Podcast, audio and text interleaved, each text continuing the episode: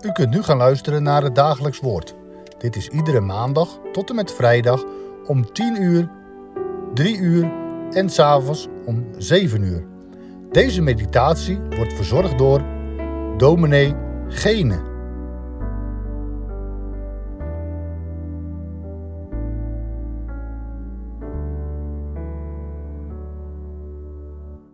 Goedendag luisteraars naar het dagelijks woord. We gaan verder met het lezen in de Filippenzenbrief, het derde hoofdstuk, van de laatste twee versen. Daar schrijft apostel Paulus: Ons burgerschap is echter in de hemelen, waaruit wij ook de zaligmaker verwachten, namelijk de Heer Jezus Christus. Die ons vernederd lichaam veranderen zal, zodat het gelijkvormig wordt aan zijn verheerlijk lichaam, overeenkomstig de werking waardoor hij ook alle dingen aan zichzelf kan onderwerpen.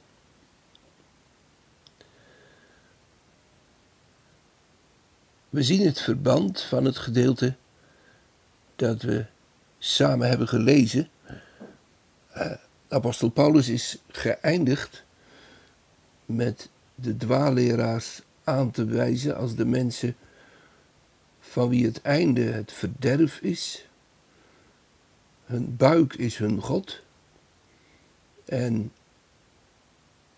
hun eer is hun schande. Zij bedenken aardse dingen.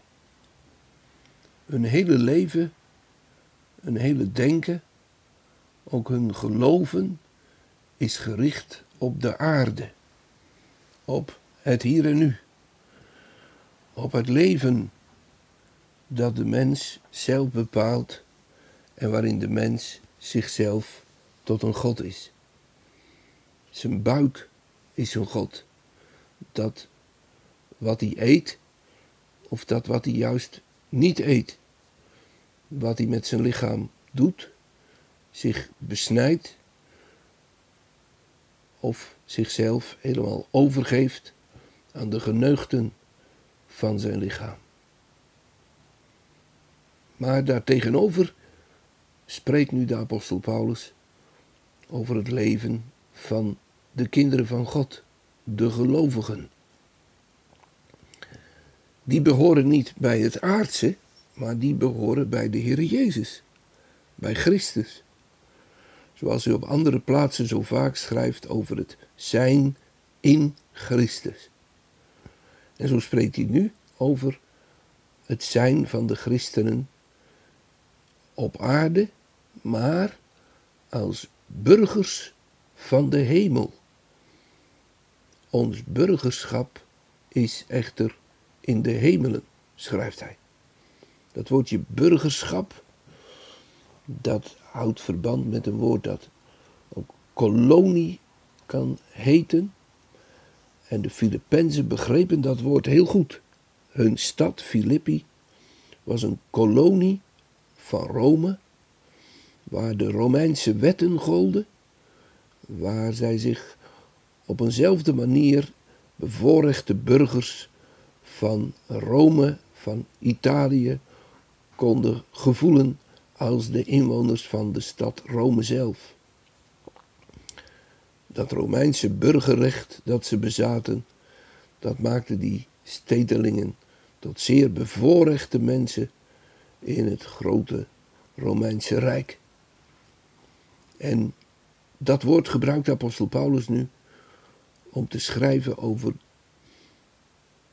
de gelovigen die hun burgerschap in de hemel hebben. Want daar is Christus. Daar is hun Heere en Heiland. Ze hebben Hem mogen leren kennen. En ook de kracht van zijn opstanding leren kennen. Hij heeft de dood overwonnen. Hij is ten hemel gevaren. Hij zit aan de rechterhand van God in de hemel. En daarom schrijft de apostel Paulus aan de Efeziërs dat zij mede gezet zijn in de hemel in Christus. En hun leven is met Christus verborgen bij God, zoals de Heer Jezus aan de rechterhand van de Vader is. Zij richten zich dus niet op wat op de aarde is. Zij richten hun leven niet in zoals dat door de mensen die Christus niet kennen en wier levensrichting geheel en al op de aarde is ingesteld en op het aardse leven en op het hier en nu en op het eten en drinken, op het jezelf dingen ontzeggen, op het proberen van de wet van God in eigen kracht te volbrengen, zoals de Joodse dwaalleraren die de gemeente binnenkomen zeggen, of de gnostische dwaalleraren die zeggen: het gaat niet om het lichaam, het gaat alleen maar om je geestelijke leven. Je hebt met deze wereld niets meer uit te staan, daar moet je slechts nog van genieten. Daar kan je je leven een geweldige tijd in hebben. Maar het gaat om het geestelijke. En omdat je daarin bent opgetrokken, omdat je zo geestelijk bent, wel, daarom heb je ook helemaal geen last van al die aardse dingen. Daar kun je gewoon van profiteren en in doen wat je zelf wilt. Maar de apostel Paulus die zegt tegen de gelovigen in Filippi: Onze levensrichting is geheel anders ingesteld. Daar heeft hij ook over gesproken in dit hoofdstuk. Hoe hij daarnaar jaagt, naar de prijs der roeping Gods, om bij de Heer Jezus Christus te zijn, om ook in de opstanding der doden, in het leven met Christus binnen te gaan. Wel, en daarom bemoedigt hij de christenen en wijst ook tegelijkertijd aan, wij zijn heel anders gericht, hemelgericht, op de Heer Jezus Christus gericht. Want van daaruit verwachten we de zaligmaker, de redder, de verlosser, onze Heere Jezus Christus, de heiland. Dat is het leven van een christenmens. En daarom veracht hij het kruis van de Heer Jezus niet. Daarin heeft hij de schuld verzoend. En daarin heeft hij de schuld betaald. En daardoor is hij degene die opstond uit de dood. Nadat hij de dood had overwonnen en het leven der toekomende eeuw verworven. Wel, ons burgerschap is in de hemelen. Daaruit verwachten we op de dag van zijn wederkomst de Heer Jezus Christus. En als Hij dan komt, dan zal Hij ons vernederd lichaam veranderen. Ons vernederd lichaam veranderen. Dat vernederd, dat betekent, zoals de apostel daar ook over spreekt in 1 Korinthe 15 bijvoorbeeld. Als de opstanding van de doden komt, dan zal dat zo zijn. Het lichaam wordt gezaaid in vergankelijkheid, wij moeten sterven, maar het wordt opgewekt in onvergankelijkheid. Het wordt gezaaid in oneer. We moeten sterven. Het wordt opgewekt in heerlijkheid. Het wordt gezaaid in zwakheid.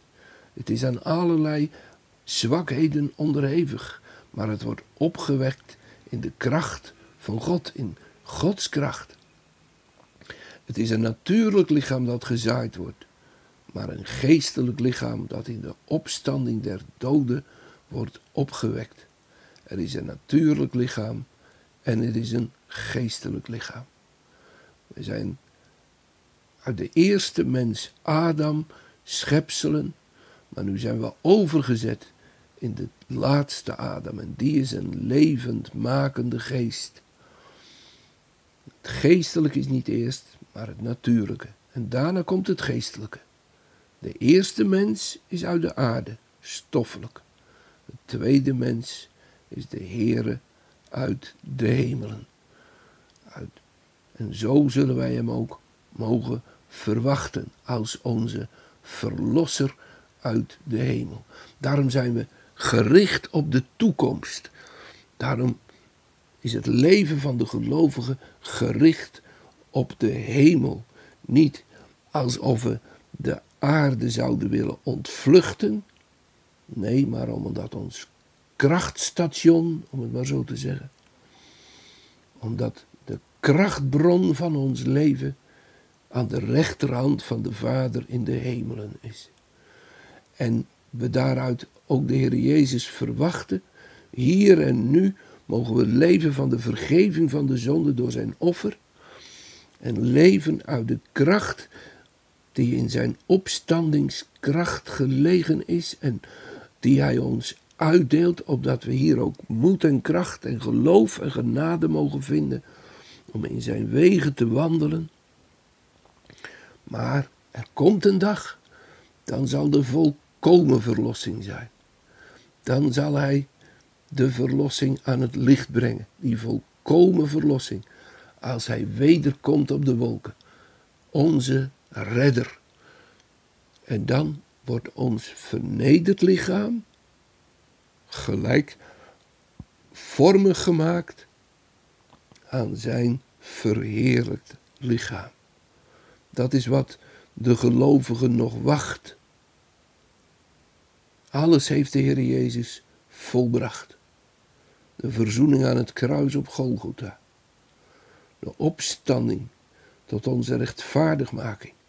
Tot het nieuwe leven door het geloof en een wandel door de kracht van de Heilige Geest. Alles is volbracht. En dat ene, de verheerlijking, dat komt als de verheerlijkte Heer Jezus Christus wederkomt op de wolken des hemels. Bij de komst van de Heer Jezus zullen we dan eenzelfde opstandingslichaam krijgen als Jezus kreeg toen hij uit de dood werd opgewekt. Wat een verschil met die vijanden van het kruis, met die mensen die gericht zijn naar beneden op het hier en nu. En wat een aansporing toch vooral om te blijven jagen naar de prijs die boven is, dat volkomen leven in de Heer Jezus Christus, tot eer, tot lof tot heerlijkheid van God de Vader. Want heerlijkheid, dat is verbonden met de heerlijkheid van God. Dat is niet dat wij goddelijk worden in die zin dat we aan God gelijk worden. De Heere blijft, is God en niemand meer. Maar dat het licht van zijn aangezicht, zoals dat horen mogen elke zondag als de Aaronitische zegen wordt uitgesproken. Hij doet zijn aangezicht over u lichten en hij verheffen zijn aangezicht over u. Dan, dan wordt de heerlijkheid van Christus, de heerlijkheid van God openbaar. En die mag en wil afstralen op de schepselen van God. Door de zonde is daar de breuk gekomen. Maar door de herschepping, door het werk van de Heer Jezus, gaat die heerlijkheid van Christus stralen op degene die door het geloof van Christus in Christus zijn. Overeenkomstig de werking waardoor hij ook alle dingen aan zichzelf kan onderwerpen.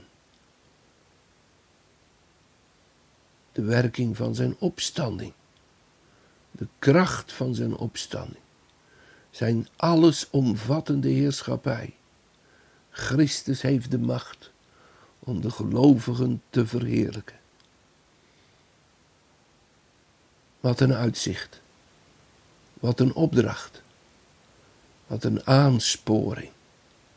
U begrijpt wel, dit is niet iets dat de gelovige in zichzelf kan vinden, bij zichzelf moet zoeken.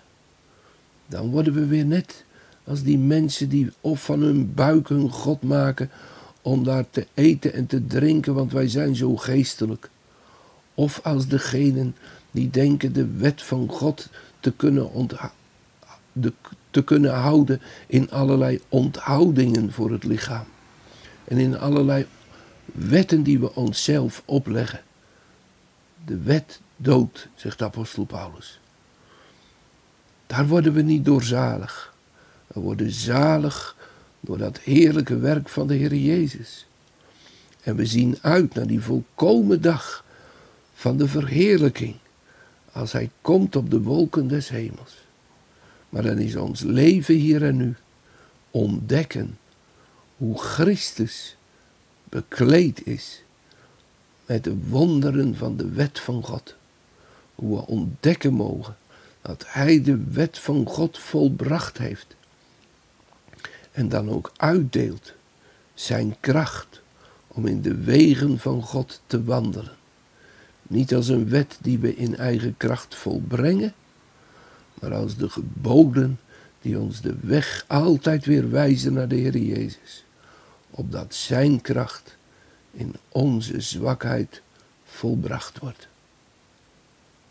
Uitzicht, lieve luisteraar, op het koninkrijk der hemelen. Kent u de naam van Hem die aan de rechterhand van de Vader in de hemel is? En die komt om te oordelen de levenden en de doden. Zijn naam is de Heere Jezus Christus. Zijn naam is Redder, Zaligmaker. En zo komt Hij naar u toe.